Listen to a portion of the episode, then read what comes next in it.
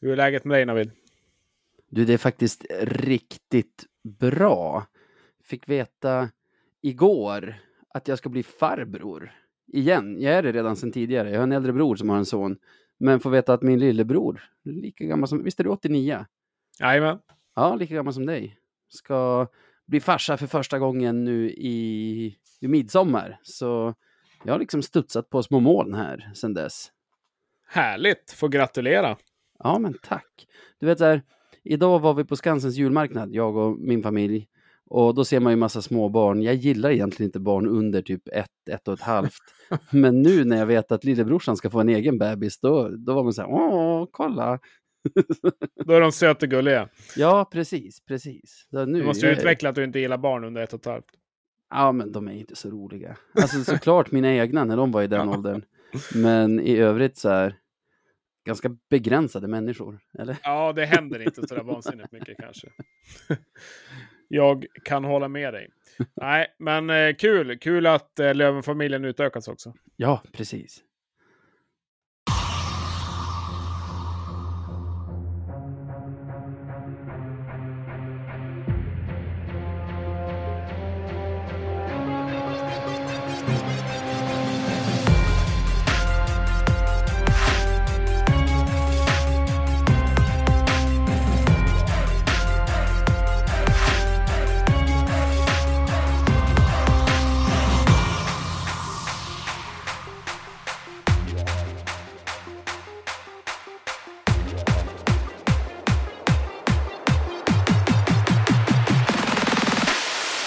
Ja, men då hälsar vi er välkomna till ett nytt avsnitt av Supermåndag här med Radio 1970. Hur det är med mig har ni redan fått höra, men hur är det med min gode vän Jesper? Tack för det. Nej, men jag eh, älskar numera söndagar så man får göra det här lilla projektet och det har varit full rulle som alltid. Eh, var uppe sent för en gångs skull igår. Vi var ju på en NHL-turnering som vi kör varje år då vi är 32 grabbar som är varsitt NHL-lag och spelar lite tv-spel. Så att man fick, fick vara lite 18 år igen. Det var kul faktiskt. Eh, men, Jag, jag eh, tror jag skulle spöa er alla 32. jag har väldigt svårt att tro det, men jag antar utmaningen när du väl kommer till Umeå. Jag har i och för sig inte spelat på kanske tre år nu, men spelen 2009 till 2019 nötte jag säkert 20 timmar i veckan på. Ja, men då är du välkommen till nästa turnering. Ah, kul! Eh, nej, men det är bra. Eh, det är kul och det har varit en händelserik vecka. Det har varit väldigt mycket som har hänt egentligen. Det är vi tacksam för. Det har varit mycket matcher att gå igenom. Eh, det har varit ganska mycket rubriker, lite händelser med domare och hit och dit. Så att det är väl lika bra att vi kickar igång här så att vi kommer i säng i vettig tid, höll jag på att säga. Att eh, lyssnarna får, eh, får ett normalt långt avsnitt i alla fall, så att de inte behöver lyssna på oss allt för mycket. Men eh, på tal om Lövenfamilj, där vi pratade i början där, så var jag på ishockey i fredags med mina två barn och eh, Alexander Agrell då, som är lövare som har flugit upp från Uppsala.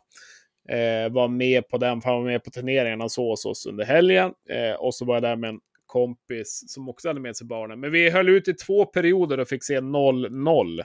Alexander Eh. Agrell, förlåt mig att jag sticker in här. Gammal Ja. Löven-bloggare, eller? Ja, det stämmer nog att han har hållit på med det också. Eh, men väldigt hängiven. Jag tror han var på nästan alla, många av slutspelsmatcherna i fjol i alla fall och åkte upp fram och tillbaka. Så det är ju cred till, cred till de som gör det. Det är ju inte bara gratis att ta sig fram och tillbaka med flyg heller. Så att, eh, men han fick se en härlig 0-0 tillställning de två perioderna vi såg, men sen såg vi resten hemma då. Ja. Eh, och då träffade, eller träffade, men stötte på i alla fall Fagervall där i kulisserna. Och eh, jag tycker det är starkt av Fagervall ändå som nu fått sparken från Malmö, fått sparken från Djurgården. Och det har hänt ganska mycket på väldigt lite tid, under ett år egentligen. Men han visar sig ändå på plats direkt och det är klart att han får svara på en hel del frågor och folk funderar och tänker och tycker. Så är det ju alltid. Så att, men det är ändå stark, stark karaktär som är, är på gång direkt. Och det var kul att se honom i hallen tycker jag. Ja, Han är ju en bransch där folk får kicken. Alltså, Så är det ju. Så är det det. är ju. ju, så här, skulle jag få kicken från mitt jobb så skulle det ju vara någonting extraordinärt, liksom. Men hockeytränarbranschen är lite annorlunda. Jag tror det var just så pass lite, alltså, några veckor över ett år från att han skrev på en förlängning med Malmö till att han hade fått kicken av både Malmö och Djurgården. Och hunnit åka ut med Djurgården också. Ja. Trist år ändå. Ja, det måste man väl ändå säga. Eh, lite pandemimål, pandemi, pandemi på det och sen eh, lägga till det där. Så att det är klart att psykeskrävande om inte annat. Det blir intressant att se vad som händer nu med, med Fagervall. Eh, jag hade väl lite spaning, eller hade väl fler inför säsongen, att det skulle vi kunna gå åt det här hållet. Och nu kan man inte säga att Djurgården har gjort en dålig säsong så heller, men det är väl spelet som inte riktigt har fått det att funka. Och läser man runt lite grann bland djurgårdar också, de som tycker, så är det väl just det att spelet, eh, spelet är inte 100 procent. Även om de ligger nu trea i en ganska jämn tabell så har du inte fått igång spelet på 20 plus matcher och de tycker att det hackar i vissa, vissa delar. Så det är klart att då, då är det inte mycket tålamod i den klubben. Nej, och jag har ju en spaning att man egentligen alltid ska lyssna på fansen. De kan ju vara otåliga och så på ett annat sätt än experter och sånt i, om man säger traditionell media, men det finns inga som har så bra koll på ett lag som de hängivna fansen. Så säger de att spelet hackar och att tränaren har kört fast, men då, då ser de det innan liksom övriga ser det. Så det är ju både med Västerås och Djurgården har jag känt lite så här att det har vibrerat på slutet och och det är välkänt nu att även Västerås har i alla fall funderat i de banorna. Men jag menar, eh, man märker det först på fansen. Det är liksom kanariefågeln i gruvan. Ja, så är det ju verkligen. Och som du säger, det, jag tycker också man, framförallt när det är de här klubbarna som har de här hängiv, hängivna fansen som, jag menar utan fans är det ingen förening heller. Så att Sen kan ju ibland kanske pressen bli lite överdriven, men eh, det är klart att Djurgården har ju, det är ju deras press att de ska ju gå upp och då ska ju spelet fungera. Nu har ju Modo såklart seglat iväg poängmässigt, poängmässigt och kommer ju vinna tabellen, men, men eh, det är ju ändå ett slutspel som ska spelas och det gäller att få ihop det och det börjar ju dra ihop sig lite grann. Jag menar snart har vi gått förbi jul och helt plötsligt så så är vi inne i de här avgörande lägena när serien ska stängas och slutspelet ska till. Så att det är väl eh, det är väl ett bra läge att göra förändringen på. Eh, sen eh, ska vi väl diskutera nu vad vi tycker om eh, Garpenlöv helt enkelt. Så vi kan väl komma in på det Navid. Garpenlöv, är det rätt man att ta över Djurgården? Rätt man eller inte? Jag, jag börjar med att säga att han kommer ju till egentligen, skulle jag säga, ganska bra sits som han ramlar in i. att eh, hans lag är inte det som har, om man säger, störst förväntningar på sig längre. Det antar jag att för alla är Modo som är det lag som är favorit till att gå upp nu till våren. Men han kommer ändå till det, den på pappret bästa truppen. Han har många otroliga spelare i sin trupp, så om han får till det så, alltså han har ju alla, han har ju alla verktyg i alla fall för att, för att få till det och, och bli någon sorts nå någon sorts legendstatus i, i Djurgården om han inte har det redan. Han har väl en hel del säsonger där som spelare också. Så, men, men extra, extra mycket legendstatus då. Ja, det, men det kan ju samtidigt bli lite åt andra hållet.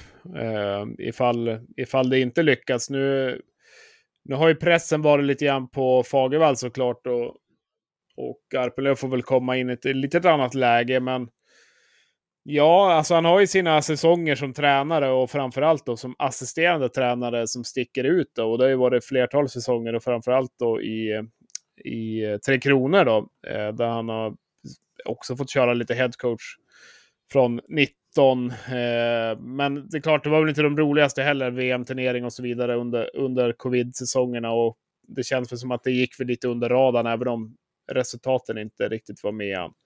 Sen, eh. det som alla redan varit inne på tror jag med honom, men som vi ändå måste nämna, som klubblagstränare har han väl inga riktiga meriter förutom assisterande i Djurgården för en herrans massa år sedan, början på 00-talet typ. Nej, precis. I början på, början på 2000 så gjorde han väl en tre, fyra säsonger där. Nej, annars är det ju ingenting. Ingenting att, att ta på egentligen, men eh, Ja, vad det innebär egentligen. Alltså, det är klart att det finns ju de här som alltid rullar runt i alla klubbar och har gjort sina säsonger också. Men det behöver inte vara mer rätt för det heller, utan det kan ju vara fräscht med, med Garpenlöv. Eh, och det var väl i princip på gång kanske att det redan skulle bli till nästa säsong. Har det väl snackats om. Så att det var väl inte ett oväntat namn. Det var väl det namnet som skulle ta över Djurgården. Så att, sen får vi se om det, är, eh, om det blir rätt eller inte. Eh, nu har han väl gjort en match som eh, tränare va, och, och vunnit den. Då, så han är 100% i alla fall i Djurgården. Jag fortsätter han så går de ju upp. Men för mig, för mig är han ett oskrivet blad som klubbtränare. Det, det, kan vara vad som helst. Men jag hävdar att det är nog få gånger någon har haft ett så bra lag till sitt förfogande utan att behöva vara liksom förstahandsfavorit. Ja, eh, så är det ju verkligen. Alltså, om man kollar på Modo till exempel så de var väl såklart toppade i, i toppen, men absolut inte på det sättet som de har seglat iväg. Så de har ju tagit över stafettpinnen och det kanske är, eh, det kanske är bra också. Det kanske blir någon form av lugn i det också. Eh, vi får se, det blir spännande, spännande framöver och eh, utvärdera. Nu har man väl gjort en match då och vunnit den, men det är inte så mycket att ta med sig eh, egentligen från det. Eh, Djurgården gjorde ju sin första match utan, utan Fagge och utan Garpenlöv och den vann de också. Så att, ja, det, det tåls väl att se vad som, vad som händer egentligen. Men eh, vad tror du händer med Fagervall förresten? Vart, hamnar han i något nytt lag nu under den här säsongen eller tror han bara tar det lugnt? Eller?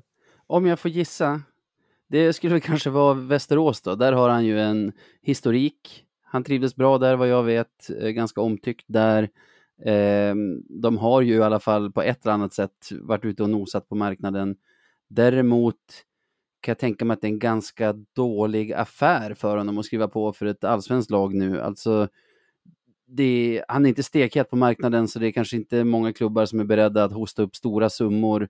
Och han har väl ett par år kvar på sitt kontrakt med Djurgården som är, som är ganska mycket värt i pengar. Ja, nej, det hade han väl i Malmö också, men valde att ta på, no ta på något annat också. Så det känns ju inte som den som gärna sitter på, på sidan om och bara kollar på. Men... Nej, men då tror jag att Djurgården har matchat den lönen han skulle ha fått ut för att göra ingenting liksom, under, jo, under kontraktstiden med Malmö. Jag, just nu, eh, alltså om man tänker på hur attraktiv han kan vara på marknaden, har jag svårt att se någon matcha jag vet inte vad han har för lön av Djurgården nu, men vad den än är så har jag svårt att se någon liksom matcha den på ett sätt som skulle göra det värt för honom att kanske hoppa på någonting nytt. Ja, han eh, har ju 20 dagar till julafton här, så han får väl vara ledig om inte annat uh, i, i december och sen kanske... Det var världens kanske längsta jullov. Ja, verkligen. Ja, men det kan ju vara skönt det också. Nej, men det är väl inte det han vill såklart. Han vill ju, han vill ju vara tränare i Djurgården. Men nu är det ju, nu är det ju som det är och branschen fungerar på det här sättet. Det vet ju han om inte annat eh, mycket väl om. Men Eh, all lycka till till Fagervall. Det är en eh, trevlig gubbe och eh, han har gjort mycket fint i Löven också. Så att, eh, vi får väl hoppas att det går bra fortsättningsvis. Ja, verkligen. Och jag ska säga, jag trivs. Alltså, jag mår bra när Fagervall är i Umeå. Jag blev glad när jag läste i sociala medier att du hade sett honom på arenan. Det, det är någon sorts trygghet. Ja, nej, men det känns ju alltid fel när man ser honom i någon annan klubbdress och något annat emblem och så vidare. Det är ju det är ju inte där han ska vara egentligen. Alltså, nu tycker inte jag att Löven ska byta tränare på det sättet, men han ska vara i Umeå. Eh, han har ju huset här i Sörmjöla också, så att nu är han på rätt plats. Så att nu, nu, nu är han hemma igen, så att säga. Får vi ja, se vad som, hemma. vad som händer med det. Fastän han Om kommer min... från Tornedalen så har jag honom, i min bok har jag honom som 100% lövare. Jag skulle ja, bli superförvånad absolut. om det fanns någon annan klubb som låg honom närmare hjärtat än Löven. Ja, nej, det tror inte jag heller. Vi får väl ta med honom i något avsnitt här och kolla läget med. och, och, kräva att han säger ja på den frågan. Ja, precis. Så kommer vi göra. Och är det inte så så klipper vi bort det.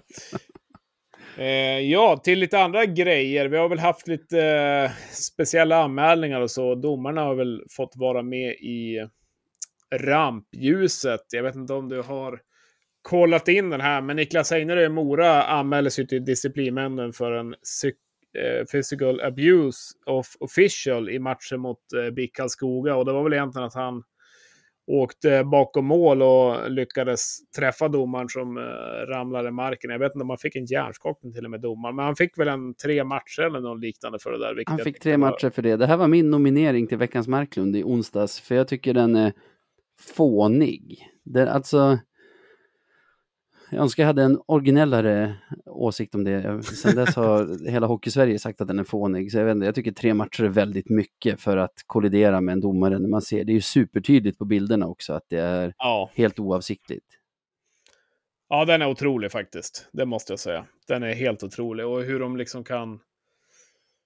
Ja, hur, de kan ta, hur de kan ta det på det sättet tycker jag är intressant. Eh, vi behöver inte diskutera det mer, men det gör väl egentligen det med eh, Kalle Johanssons hjärnsläpp, eh, som också har med domaren att göra när han ja, ska väl eh, ruffas lite grann och fram med handsken och så vidare och lyckas ta tag i domarens hjälm istället och liksom Det är en helt otrolig situation. Jag har tittat på den flera gånger sedan det hände. Ja. Det är ju i fredags när de spelar borta mot Södertälje som Lövenbekante Kalle Johansson i Östersund har en motståndare som liksom håller i hans visir och trycker ner hans huvud så att han inte riktigt ser vad som händer.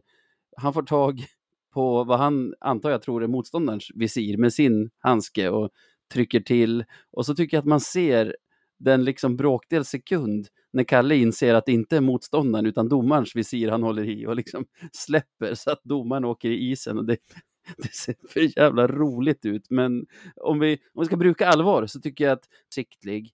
Så i Kalle Johanssons fall, visst, det är oavsiktligt att det är just domarens visir han tar tag i.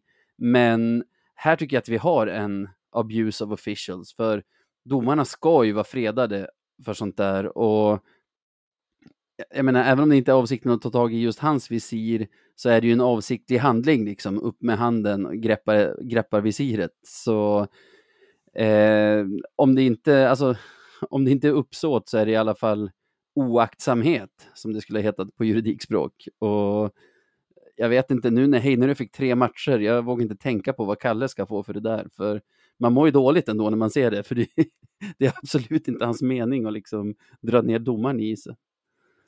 Nej, det ser man ju också lite grann, men som du säger så är det ju det är, ja, det är oerhört klantigt faktiskt. Det, det är ändå ett tag han håller i liksom, visiret också, så det är inte så att det bara sker på en bråkdel sekund. Men, alltså jag skrev direkt typ fem matcher. Alltså, Ja. Om man kollar på det som har varit tidigare på vissa anmälningar, som har, Joel Lundqvist hade väl någon liten knuff och det var lite såna här grejer som inte har varit speciellt...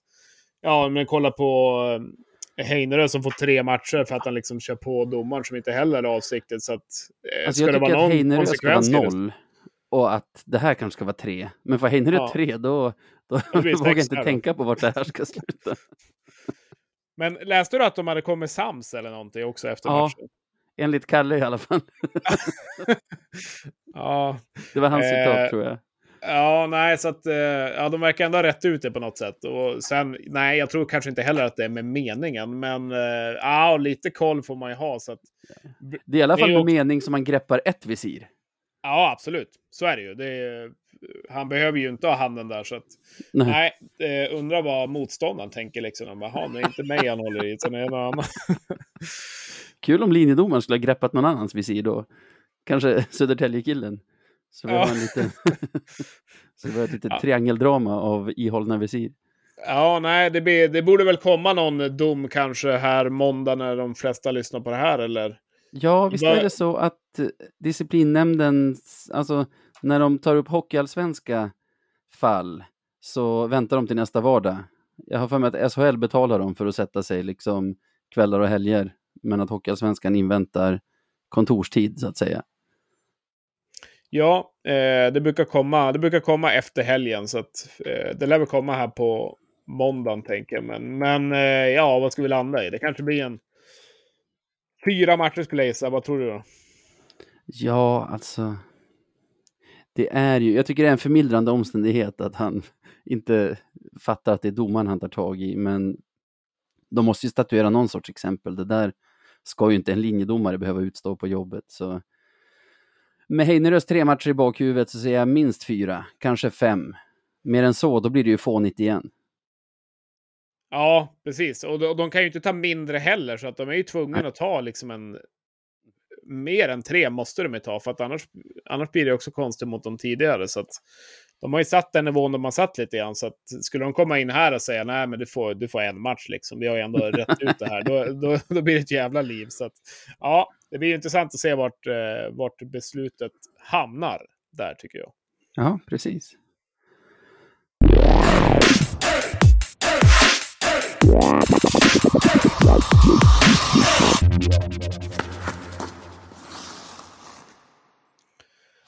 Ja, jag gick ut och kollade lite grann på Hockeyallsvenskans sida där och försökte läsa ikapp lite grann vad som händer och så vidare. Och såg det där att eh, Karlskoga Albin Eriksson får det fina priset månadens spelare här i eh, november. Så att eh, jag vet inte om vi bara skickar ett grattis för det eller liksom så. Men, men Ja. eh, det var bara något jag noterat. Han har, han har gjort det bra och eh, gjorde väl flest mål av alla i november också. Så att det är starkt i ett Karlskoga som har varit ganska skadedrabbat också. Så att eh, får väl, eh, vi får väl säga grattis till det, eller vad säger du Navid? Ja, han gjorde väl ett mål på oss i powerplay nu under november, där när Ja, vi tyvärr. hämtade igen ett stort underläge mot dem hemma, men förlorade i overtime, så hade jag powerplay-mål i första krysset som var ganska snyggt. Jag ser nu åtta, nio matcher i november har han spelat, åtta plus tre på de matcherna, det är ju Kilke-siffror. Ja, det är helt okej. Eh, så att... Ja, nej, men det är väl det Karlskoga behöver också. De tappar ju lite grann nu med Björklund och sådana bitar. Så att de behöver ju att de har lite andra gubbar som kan kliva fram och, och leverera. Så att... Eh, men nu har han haft lite tyngre vecka då. Han har ju tappat här i topp 10-listan i poängligan såg jag och landar ner på en elfte plats. Så att det kanske är på G ut för här under december för Albin Eriksson. Ja, säg inte det. Man ska aldrig räkna ut BIK Karlskoga eller någon av deras spelare. Eh, men månadens lirare, eftersom det är många Löven-fans som lyssnar på det här så kan ju sticka in Jerry Fitzgerald, poängbästa spelare i Löven i november på 3 plus 6. Jag tycker han är en av våra bästa spelare under november, alltså spelmässigt också. Han har jag tycker i och för sig alltid att han håller någon sorts nivå, men nu börjar han likna den där Jerry Fitzgerald vi såg i slutspelet i, i våras, som, som driver laget, stänker dit puckar i PP och liksom kliver fram. Ja, jag kan bara instämma. Ja, det är en av mina favoriter i år i, i årets Björklöven. Jag tycker han har varit som... Han har också varit på G i många matcher där kanske inte övriga Löven har varit bra. Så tycker jag ändå att eh, Fitzgerald har ändå stuck, stuckit ut och varit bra. Han har visat upp en rejäl bössa och också liksom ett eh, vilja, vilja i spelet tycker jag. Att han har varit bra både med och utan puck också. Sett, sett rapp ut liksom. Så att, Eh, nej, jag, jag gillar Fitzgerald skarpt och det känns, det känns viktigt också att nu när vi har Fortier som har börjat leverera, Poole gör ju sina poäng, Kilke gör sina poäng och så har vi Fitzgerald där. Så vi har ju de gubbarna som ska leverera som gör det just nu också i, i Björklöven. Så att det, det är viktigt faktiskt framöver och när det väl kommer till ett slutspel också. Hade ju ett väldigt fint mål när han avgjorde här mot Västervik också i fredags. Mm. Utöver honom och Albin så känner jag på senaste, det har jag inga siffror på, men två spelare som jag hade förväntat mig en del av är dels Gynge i AIK och Marcus Kryger i Djurgården. Nu vet jag att Kryger inte ska vara en poängspelare egentligen, men det känns som att han har börjat ticka igång med poängen nu också. Det baserar jag egentligen bara på min magkänsla. Förutom Löven så är följer jag mest hockey i Allsvenskan genom pling i rutan när Löven spelar. jag tycker, jag tycker han har börjat dyka upp där och det kanske börjat trampa igång lite. Han, han är ju inte purung längre, så han kanske behöver en, han kanske har lite av en startsträcka, vad vet jag. Samma med Gynge. De Ja. börjar väl på något sätt visa varför de är i sina respektive lag. Ja, eh, de har väl börjat. Jag såg ju AIK Modo idag. Då tyckte jag väl att Gynge var. Ja, hände väl inte så jättemycket. AIK var ganska bra i och för sig, men, men eh, han har väl gjort en fyra, fyra mål eller något sånt där på fem matcher på slutet. Så att de har ju börjat, börjat kicka igång lite grann i produktionen också, men har ju varit väldigt anonym tidigare under säsongen. Ja, Eh, inte alls känt igen. Man minns ju honom från när AIK var i Elitserien, hette det väl då, här för typ 10-15 år sedan är det väl nu, då, då han och Rosén var två, de två kanske bärande spelarna.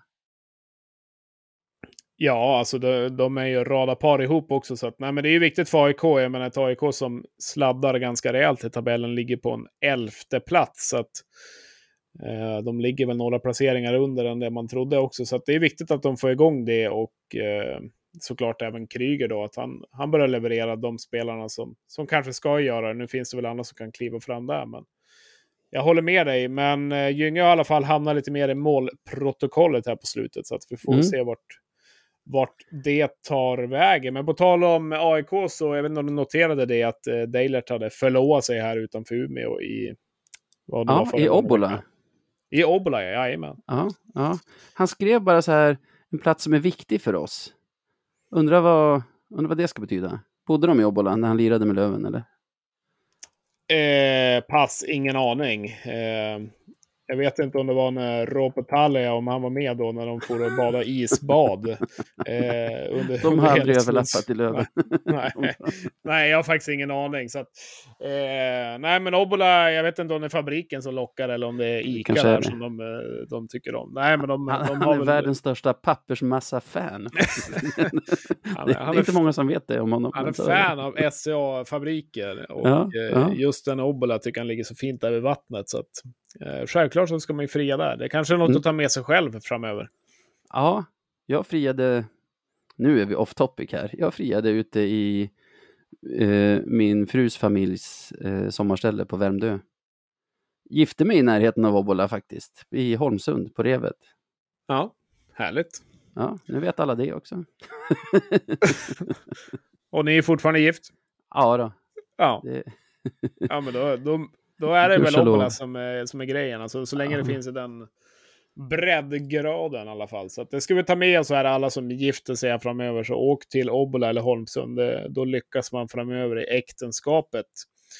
Eh, nej men kul ändå att se Deilert och eh, prata varmt om Löven gör han också. Han trivdes väldigt bra i, i Björklöven. Eh, man stötte ju på honom några gånger när han var här och en, alltid trevlig och liksom skön gubbe också. Så att eh, vi hoppas att eh, han kommer tillbaka på isen snart. En viktig spelare också för, för AIK att få, få in på isen. En väldigt bra, väldigt bra back. Så att, eh, dels så drabbas han ju ganska hårt av corona när det var och liksom låg in och allting. Och sen, sen det här. så att eh, Nu kanske inte Dejlet lyssnar på det här, men ifall han då gör det så önskar vi krya på det. ja, verkligen kul att ha honom tillbaka. Där har du en profil. En annan profil från den här senaste tiden i Hockeyallsvenskan som jag ändå vill att vi klämmer in, det är Theodor Niederbach som har kommit in på ett superbra sätt i ett Modo som inte behövde en till superspelare. Men jag kollade nu, han har hunnit spela fyra matcher, det var fler än vad jag hade för mig. Eh, två plus tre, så fem poäng på de fyra matcherna. I en det är inte en helt ny omgivning, han kommer väl från Övik, men ändå att bara, bara ramla in i truppen sådär och casha, vad blir det, 1,25 poäng per match till en början. Ja, alltså man reagerar ju direkt när han, han kom tillbaka till Modo att ja, men det är ju en bra spelare. Och det har väl varit lite så här äh, önskemål från vissa att han ska komma tillbaka igen. Och det är klart att det är väl en fördel för Modo nu också när de ligger där de ligger i tabellen. Det var lite samma sak när Löven, Löven låg där. Det är lättare att få hem någon spelare. Eh, det är lättare kanske locka de här toppspelarna, om vi säger Brickley, Vela som, Vela som i alla fall ryktas till Modo. Det är lättare att han kommer dit också. Så att, Eh, nu fick han det väl inte att funka i Rögle, liksom en poäng på 17 matcher, men ett Rögle som ändå har sladdat ganska rejält, så att gjorde det ju bra i Frölunda året innan. Så att, en bra spelare, det är ju absolut en SHL-spelare tycker jag i ett, i ett annat lag. Så att det är ju jackpot för Modo. Och sen att han får börja med den, med den starten också, det, det skojar man ju inte bort. Så att han kom in i ett eh, välfungerande maskineri, så att det, det var nog en bra miljö för honom att komma in i också. Vi kan stanna lite där. Du sa att Vela ryktas till Modo från Västervik. Det har jag också hört. Man går ju själv och hoppas lite på att Daniel Brickley i Västervik skulle, skulle komma till Löven under säsong. Det är verkligen, jag skulle säga, exakt den spelartyp som jag saknar i vårt lag. Men har du sett, har du sett Västervik i tabellen? Ja, det har jag. Har de råd att släppa några spelare? Egentligen inte. De eh, ska ju absolut inte ha det och de här spelarna, är liksom, ska de bli av med dem, ja vad har de kvar då? Så att, och kommer väl från en nollpoängsvecka nu också då och ligger, ligger sist i, i tabellen just nu. Så att, nej, det har de inte. Tidigare när man kunnat släppa spelarna, då har de i alla fall kunnat ligga där stabilt på något mitten, mittengäng eller mittenlag. Så att, ja, det är ju Eh, Almtuna har ju också sina problem med ekonomin. Det är intressant att se vad som, vad som händer där. Men jag vet inte om Västervik har gått ut något med ekonomin mer än att de alltid säljer spelare eller? Jag tror inte att de har gått ut med något. Det kan vara så, men det skulle jag inte ta gift på att någon så här Madhawk eller någon som vet har, har typ avslöjat att, de, att deras ekonomi är sådär. Jag säger det återigen, det här kan vara någonting jag har fabulerat ihop själv i mina drömmar eller någonting. Så ta det för vad det är. Men nej, alltså det är inte en bra, det är inte en bra säsong för Västervik att börja släppa sina toppspelare och särskilt så här, Vela och Brickley är ju typ hela Västervik nu. Ja, alltså är det någon som säger kan du nämna fem spelare ytterligare i Västervik? Nej, det kan jag inte. Eh, och det har inte att göra med att jag inte tycker det är kul att se på ishockey, men jag ser inte så mycket på Västervik och det är de två namnen som har kommit fram liksom. Så att, ja. eh, och Kalin är inte där och Georgsson är inte där liksom. Så att, nej, eh, det är ju absolut en poäng som du har där. Det blir ju intressant att se, se hur, hur det resoneras med. Men nu när det går ut så här starka uppgifter också att de är på väg någon annanstans så brukar det också stämma. Så att, Eh, vi får väl se. En eh, tabell ändå som har eh, satt sig lite grann där nere också. Nu har ju Västerviken 24 poäng, Tingsryd 24, Almtuna 27 eh, och så vidare. Så det, det, är ändå ganska jämnt, men eh, inte har de råd att tappa några bra spelare för att det är klart det är dyrare att åka ur Hockeyallsvenskan än att hålla sig kvar. Så det blir intressant, ja, och, intressant att se vad som händer. Lite så. Samtidigt får de får de en ganska stor peng för Vela och en ännu större för Brickley.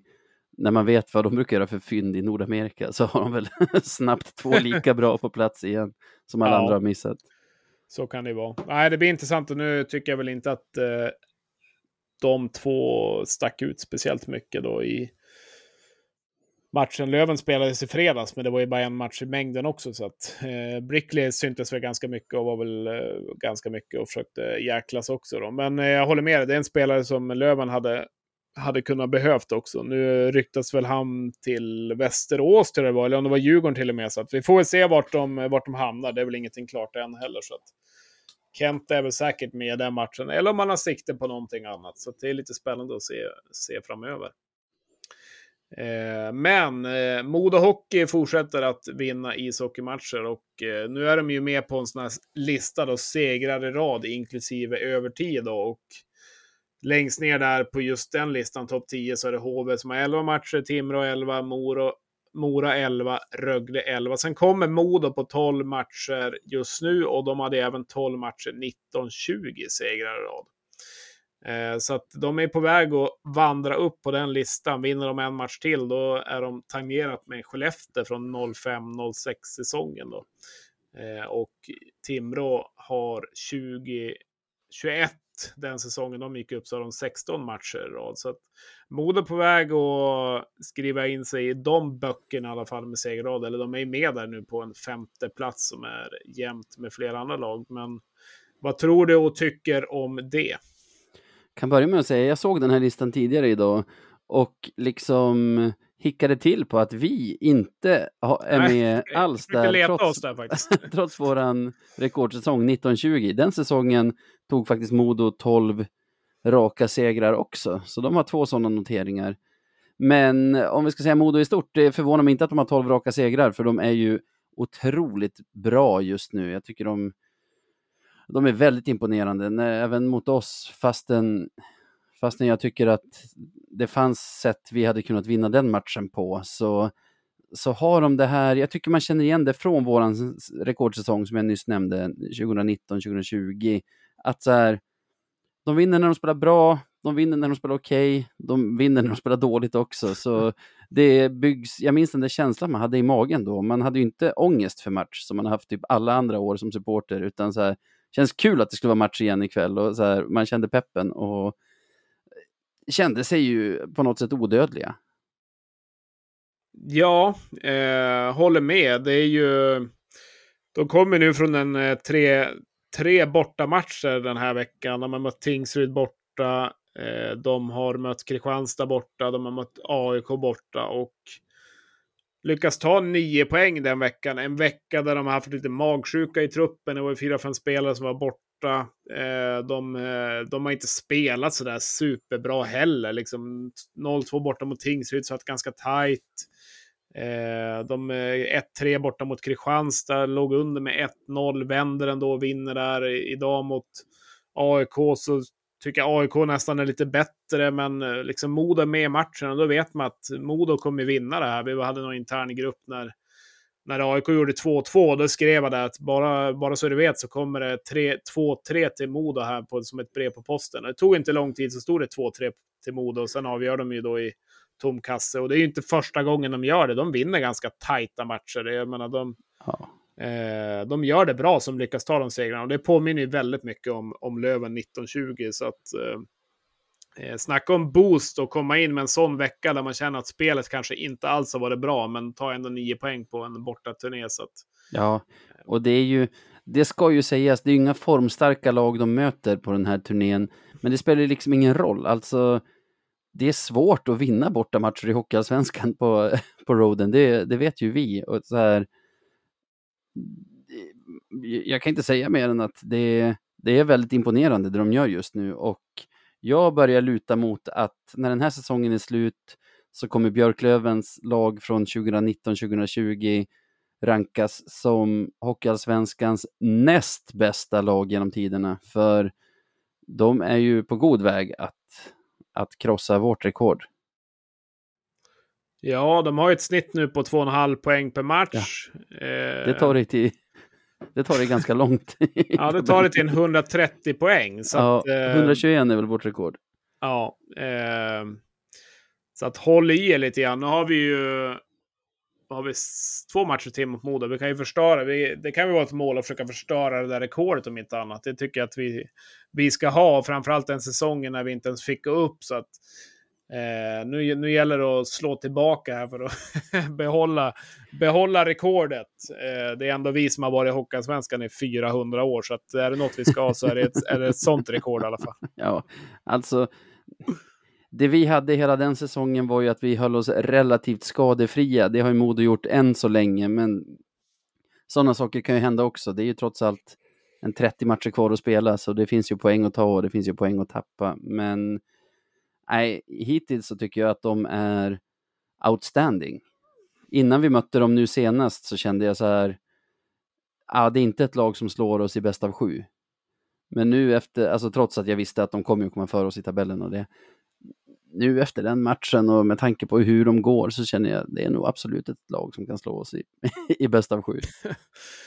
Ja, nej, jag lever med förnekelse så länge det går här så att eh, vi får se vad som, vad som händer. Nej, men det är väl bara att lyfta på hatten. Nu, nu är det väl många lövare som har lyssnat på det här och vi har väl, eh, inte vet jag, hylla mod och många avsnitt. Men eh, det tål ju ändå att lyftas fram och eh, det går inte att vara blind på det som händer och det, det man ser liksom. Så att det är ju fakta. De har gjort en supersäsong än så länge så att vi får se vart det vart det tar vägen. Men eh, någon gång så ska väl en svacka komma i alla fall att de kanske förlorar två matcher i rad. Så vi får se vad som händer där. Men spännande framöver och se om de eh, lyckas ta rekordet. Det är alltid svårt att ta sånt här rekord också. Till slut så kommer det, kommer det någon torsk. Men eh, ja, vi får se. Det är ju vi får se vem som är taggad att ta den. Nu har de ju Södertälje hem, hemma eh, framöver där, så får vi se om... Eh, det kan ju bli en intressant match också. Södertälje som nu ligger två i tabellen, så att, eh, den ser jag fram emot lite grann där. Den, Södertälje är jag superimponerad av här senaste eh, veckorna. Men det skulle inte förvåna mig om Modo bara på självförtroende pulveriserar dem också. För att de, de har fått in den här känslan av att vara odödliga i, i sin grupp nu. Ja, det blir, det blir spännande att se. Ja. Eh, jag, jag kör en, en tippning där, en klassisk 2-4 Södertälje vinner. Ja, ett annat lag som har imponerat på mig här på slutet, trots att de förlorade idag mot Tingsryd, tror jag, av alla lag också, är Stämmer. ändå Almtuna. Hade två segrar i rad innan dess den här veckan mot BIK Karlskoga och hemmastarka Västervik. Västervik åkte de och tog tre poäng mot borta, men liksom innan det också hade de ju två segrar mot Djurgården, en seger mot Södertälje där i mitten av november. De, de hade ju en jättelång förlustrad här tidigare i höst, men de har ju fått ordning på grejerna måste man säga. Ja, eh, och imponerande ändå med tanke på vad, allt som händer på sidan om isen och, och så också. Det är ju det kanske är mer eller mindre vardag för Almtuna, men tycker ändå de gör det bra. Eh, Kimby får någon form av ordning på, på det laget. Och just nu så i alla fall så har de halkat upp på en tolfte plats i tabellen, så att de undviker just nu i alla fall botten två. Så att, eh, ja, spännande att se där. Det är ju ett jäkligt tajt i botten också. Jag har inte sett Almtuna så det vansinnigt mycket heller. Så att, eh, det jag har sett när de har mött Löven i alla fall tycker jag de, har varit ganska stabila ändå. Känns som en ja. stabil defensiv och liksom... Luriga att spela mot. Ja, luriga faktiskt. Så att eh, jag förstår att de tar sina poäng, men Frågar du Djurgården det... säger de nog samma sak. ja, jo, verkligen. Jag tänkte på det idag, på tal om det, liksom toppenlag och bottenlag. Jag tänkte det nu när de möter Tingsryd hemma. Det blir lite intressant att se om de liksom gör en platt match, för de har ändå kunnat göra det lite grann när, när de har fått möta de här, om vi säger då, sämre lagen och liksom varit bra mot de bättre lagen. Så att, ja, det vart väl inte någon höjdare alls, utan förlorade med, med 4-1 liksom. Så att, eh, jag mm. vet inte om det är det magiska ja, publiktrycket som gör det kanske. Ja, när du slåss om att, alltså, när du slåss längre ner i tabellen, som, när du slåss om saker som att undvika kval, så brukar ju generalre generalregeln vara att slå de lag som du är, är tänkt ska ha efter dig. Ja, precis. Och liksom, tre poäng idag, var det hemma mot Tingsryd sa du? Ja. Ja, då hade väl de haft 27 och Tingsryd 20, så det hade ju varit en en härligare marginal för dem ner till, ner till playout ner till playout-platsen. Uh, nu är det ju tajt där igen. Ja, det är ju verkligen, verkligen tajt. Uh, Almtuna ligger just nu på 27 och Tingsryd 24. Uh, 27, ja just det, så det har varit 30-21. Ja, om de det hade, ja. Varit, hade varit väldigt viktiga poäng. Så att... Ja, men om och men om och men, det är inte så mycket att säga till om det. Men vi har väl några matcher till framöver här, eller som vi ska gå igenom tänker jag, så att innan ja. vi går vidare i avsnittet.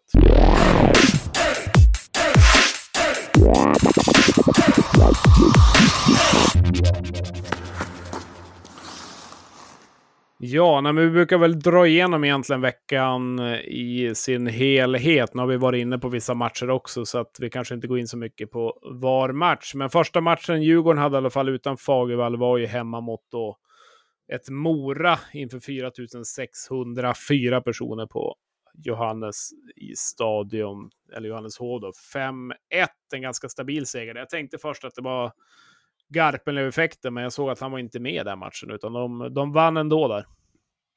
Vilket i sig är märkligt. Vad har han för sig?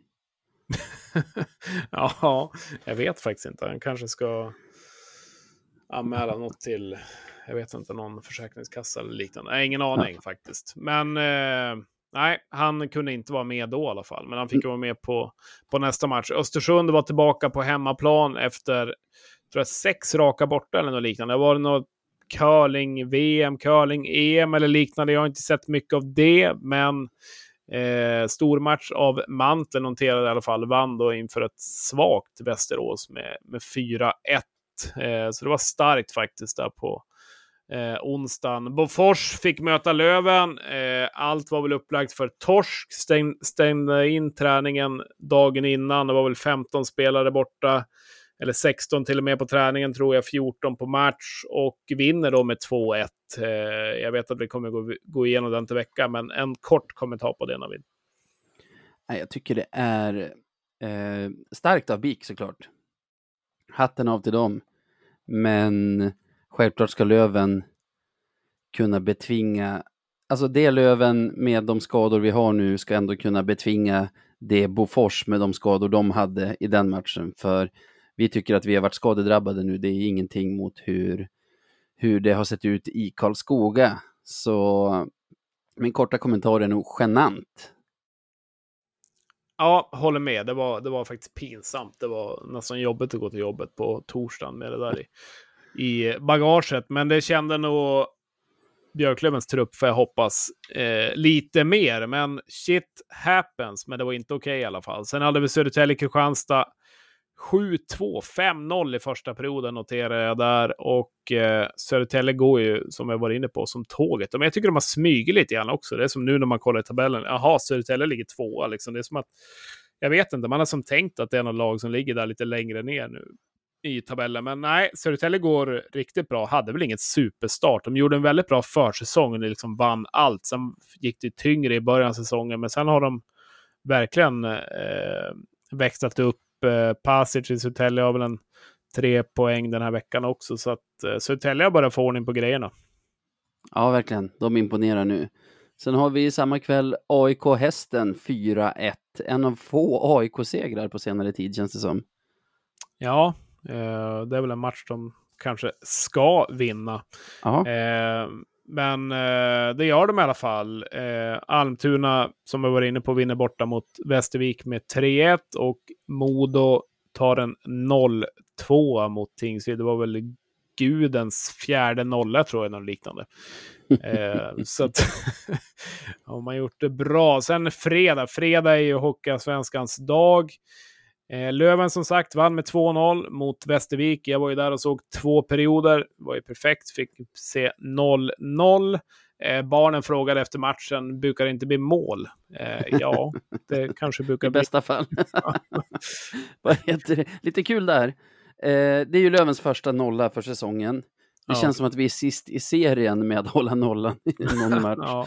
Men jag kollade det här för någon vecka sedan Förra säsongen höll vi två nollor på hela grundserien, eller på hela säsongen egentligen. Och den första kom, jag tror det var 5 januari. Så vi är ju en månad tidigare ute än förra säsongen med att, med att hålla nollor.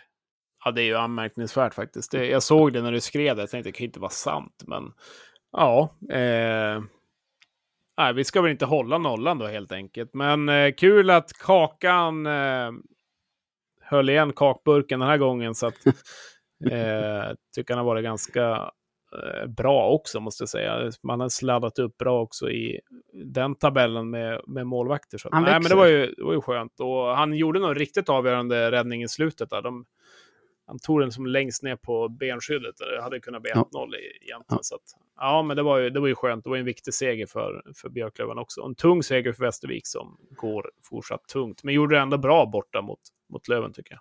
Ja, det tycker jag.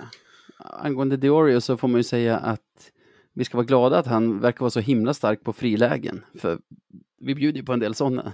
så, så tack för det. Vi Vilken har... match var det vi hade fyra frilägen mot oss? Det var ju några matcher. Ja, det var en match som vi vann. Det var AIK hemma förra veckan. Ja, just det. Ja. Så har vi ju just AIK, iskalla AIK mot iskalla Västerås spelade ju i fredags. Den vann ju Västerås, jag tror att de, de tog ledningen snabbt med 3-0, men sen blev det 3-2 innan första perioden var slut och dröjde ganska länge väl innan Västerås drog ifrån och ändå stängde butiken kändes det som. Ja, de hamnade i 5-2 och så var det 5-4 och så till slut var det, också. till slut var det 6-4 i, i tom kasse. Eh, alltså så... fina Västerås, fina trubbiga, svajiga Västerås den här säsongen. Verkligen. Eh, Västerås är väl årets, årets genomklappning än så länge. Eh, sladdar ju rejält. Nu är de ju i mitten där i tabellen och eh, det börjar bli en del poäng upp också till drakarna, eller man ska säga. Så att ja. jag menar, det är en 10 poäng upp till en andra plats. Jag tycker framförallt deras problem, Västerås, med den trupp de har, de ska ligga bättre än sjua, men alltså det är ingen, alltså, mycket konstigare saker har ju hänt i Hockeyallsvenskan än att en trupp av den kalibern ligger sjua efter vad det nu är, drygt 20 spelade, 22. Däremot, om man säger utfall kontra självbild, alltså med hur de kommunicerar med sin SHL-satsning och att de ska etablera sig i toppen och det, då får man ju skydda sig själv om, om supportrarnas förväntningar hamnar där uppe och, och liksom att det blir stökigt när det, när det går så här. Ja, absolut. Eh, och det är väl lite samma sak där vi har varit inne på Djurgården, just med spelet. Alltså spelet har ju inte varit så där lysande heller. Eh, så att nu lyckas de vinna någon match här och där. Men alltså när det är ett trepoängssystem också, så att det räcker ju inte. De måste ju ha flera matcher på rad där de liksom hämtar poäng och hämtar lite segrar för att få lite lite av fansens förtroende tillbaka också. Jag har ju varit inne på det tidigare, men jag förstår inte hur många liv han har. Han måste väl ryka jättesnart, annars så vore det ju... Det vore ju konstigt eh, nu får vi väl se här i, i veckan. Nu har de ju hästen borta till exempel. Det är ju inte någon så här superlätt match. Sen har de ju Löven borta efter det, så att rätt vad det är så är det ju två torsk där. Ja, men vad händer då? Är han fortfarande kvar då? Det, det vore ju jättemärkligt. Så att, ja, någonting borde ju hända i Västerås. Vi får väl se vad bara. Ja, jag gillar dock när man håller i sin tränare. Alltså, det händer inte så himla ofta att man får en alltså, otrolig skillnad när man, eller ett så otroligt uppsving när man byter tränare. Så Se det har ju någonting när Perra de... kom in. Vad sa du? Se på Leksand när Perra kom in i november. Ah, ja, ja. allt. Tar de in Perra så kommer, kommer det säkert lyfta för Västerås också. Men nej, jag, jag vet inte. Jag, jag brinner inte så mycket för att Pannanen ska få kicken. Jag tycker att de ska kika på sin sportchef där och ifrågasätta med den målsättning de har, de pengar de spenderar, om det där verkligen är bästa sättet att spendera de pengarna.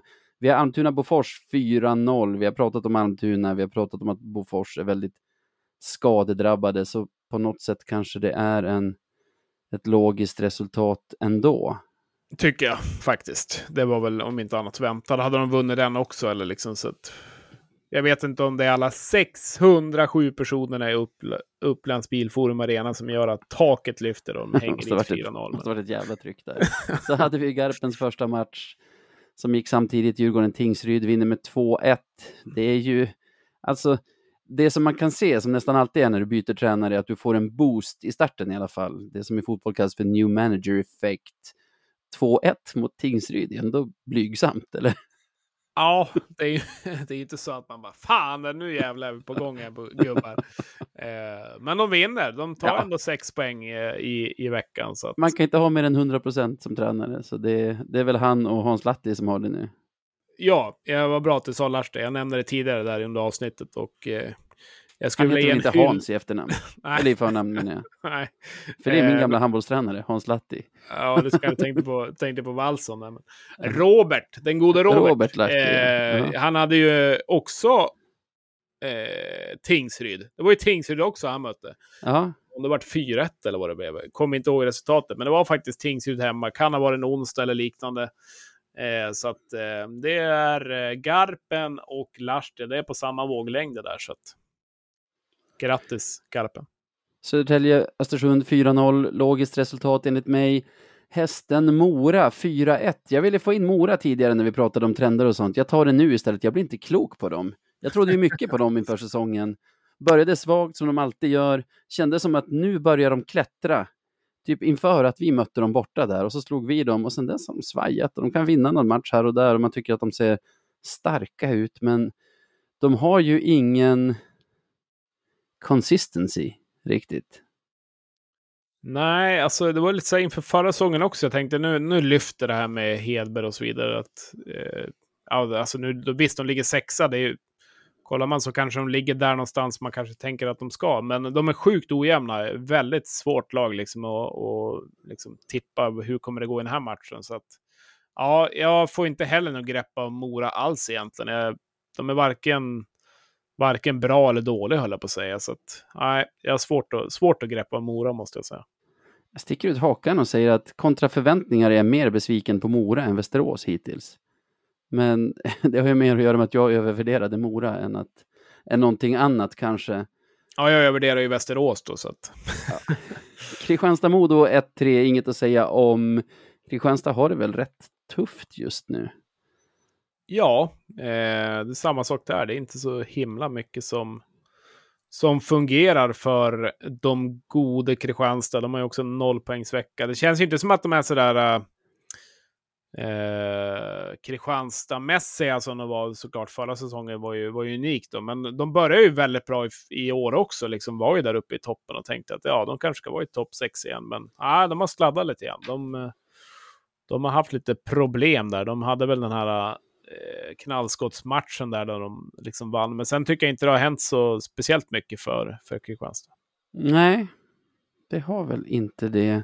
Men jag känner någonstans, jag tror att jag var inne på det lite när vi, när vi tippade tabellen, att det liksom hur ska man säga det? De, hade ju, de fick ju sån himla träff förra säsongen. Och alltså med alla nyförvärv satt och de hade ju på, faktiskt, så här, när man ser det i efterhand, på pappret ett väldigt bra lag. Man ska ju komma ihåg att det är en klubb som två säsonger i rad innan det hamnat på kvalserie respektive playoutplats. Så jag menar, nu ligger de väl på någorlunda säker mark ändå. 28 de ligger poäng väl där har de. ska kanske. Vad sa du? Kanske, de kanske ligger där de ska. De kanske till och med har någon plats mer egentligen. Ja, alltså jag tycker i alla fall inte, jag tycker fortfarande att de gör det bra. Det är ju det är fortfarande ett lag med små resurser som liksom krigar på där de är och gör, gör det de kan med det de har. Så, så här, ja, de har samma poäng som AIK till exempel. Det är ju, hade du sagt det innan säsongen så hade det väl inte varit Kristianstad som var besvikna över det. Nej, nej, verkligen inte. Eh, som sagt, tajt också. Förlorar de en match, Almtuna vinner en och AIK kanske vinner C plus de 12 också. Så det sladdar ju en del där, där nere. Så att, nej, men de ligger väl där de ska. Jag har ingen större förväntningar på Kristianstad heller inför i år. Så att det är väl inte så mycket att säga om. Eh, sen idag den 4 december så hade vi AIK Modo 2-4 var vi inne på och Almtuna Tingsryd 1-4. Eh, vi ganska... håller spänningen där nere runt eh, playout-platserna. Ja, och så en ganska rejäl ökning egentligen. Alltså från 607 personer då i eh, Uppsala till 721. Oj. Eh, så att jag vet inte om det är för att Agrell flög hem, att han får på matchen kanske och ökade upp den där, eller vad, vad som nu händer. Men eh, vi snackade lite grann om det också, att eh, de är ju lite ute efter att ha en ny arena och så vidare. Men det är kanske det är lite svaga siffror att visa upp här för att få en multarena, eller vad säger du? Ja, det är väl det. Jag, jag är lite glad för att de har eh, alltså, kravlat sig upp på liksom säker mark, om man ska kalla det, alltså en tolfte plats, inte en playoutplats. För jag tycker det är väldigt bekvämt att åka till Uppsala istället för, ja, vilka som nu skulle kunna tänka, kom, tänkas komma upp från, från ettan, jag som bor i Stockholm. Men Almtuna känns som ett sånt här lag som bara kryper närmare och närmare för varje säsong att, att bli ett, ett hockeyettan-lag, eller? Ja, det, det kan jag väl hålla med om. Nu tänker man att när de har Kimby bland annat och liksom så, så att, att det kanske inte ska bli så. Men eh, ja, vi får väl se. Det känns väl som ett hockeyettanlag. De är ganska osexiga, men det är en ganska trevlig bortamatch eh, för Löven också. En väldigt bra ståplats också, så att där det får plats mycket, mycket folk. Och som Sebastian alltid älskar det här i Det måste nämnas. Det... Vad kostar öl och Jäger? Ja, 99. Jag har noll bevis för det, men det, det, det, verkar vara så. Så att när jag väl kommer dit så ska jag beställa en öl och Jäger och inte priset 99 så kommer jag bli, kommer bli besviken. Det ska jag säga. Det kommer det bli upplopp. Ja, det blir upplopp. Nej, men eh, kommande vecka så vi har väl lite spännande matcher. Eh, fram, framförallt såklart våra Löven-matcher är alltid spännande. Men vi har ju Modo och Södertälje. Eh, det blir kul att se vart, eh, vart det landar.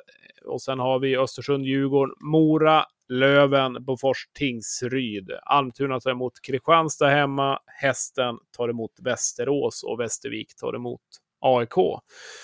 Eh, sen har vi en fredag Eh, klassisk fredagsmatch känner jag i Hockeyallsvenskan. Björklöven-Västerås. Det blir väl något brandlarm där också. Zack Hemmel avgör.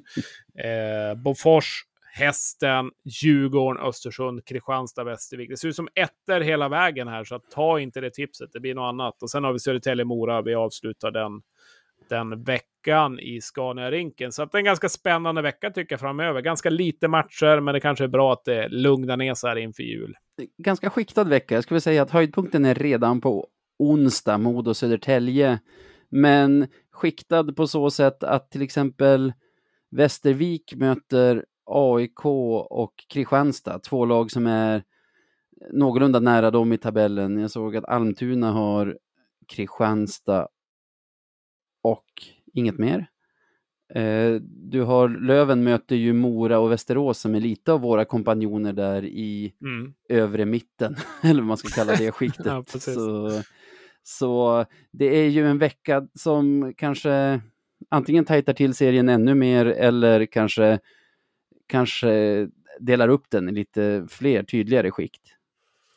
Ja, vi vet ju om att Modo kommer vara etta när serien är klar i alla fall. Eh, sen kommer det hända ganska mycket i, i mitten där. Det blir lite spännande att se. Det har väl inte varit så mycket skiftningar egentligen från, från kommande vecka. Löven åkte faktiskt ner på en fjärde plats från en ja, lånad andra plats ska jag inte säga, några, med några fler poäng. Det var inte så att vi gjorde en dålig vecka rent så heller. Men... Nej, den andra platsen vi hade handlade väl väldigt mycket om att vi hela tiden har legat en match före våra Ja. konkurrenter. Jag tror Södertälje och Djurgården ett tag har haft bättre poängsnitt per match i alla fall.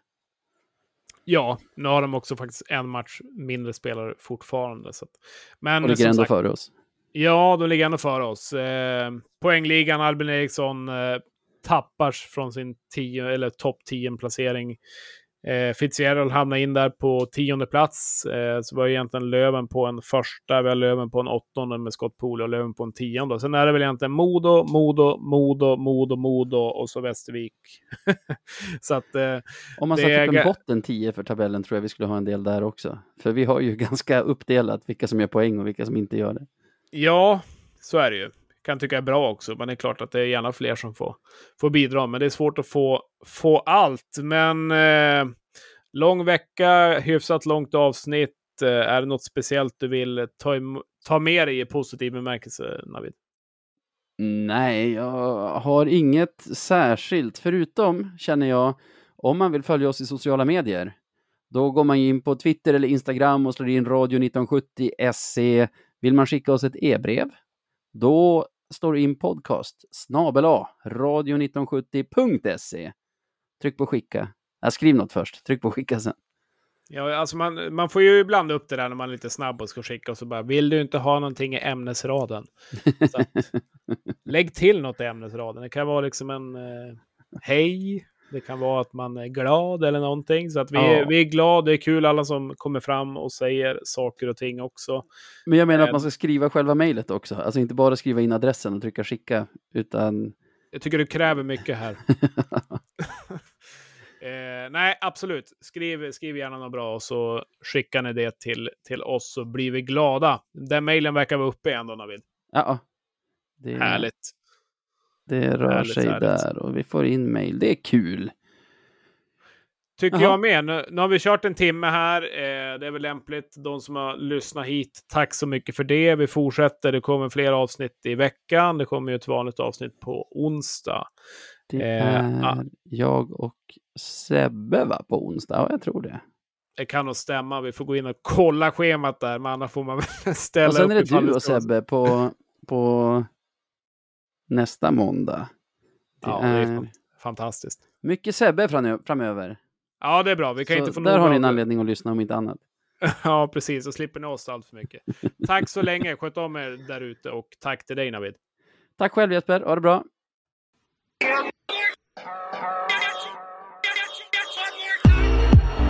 Och Hernström och